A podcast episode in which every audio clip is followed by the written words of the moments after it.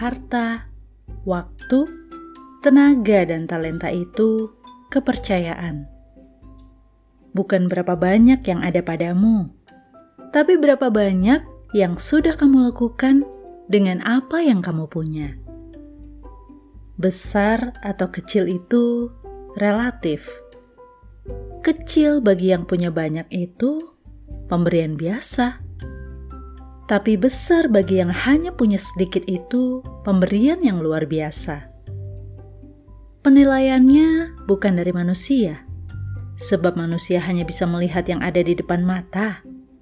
Tapi Tuhan mengetahui dari lubuk hati motivasi saat memberi berilah dengan hati yang suci, bukan karena ingin dipuji atau motivasi investasi.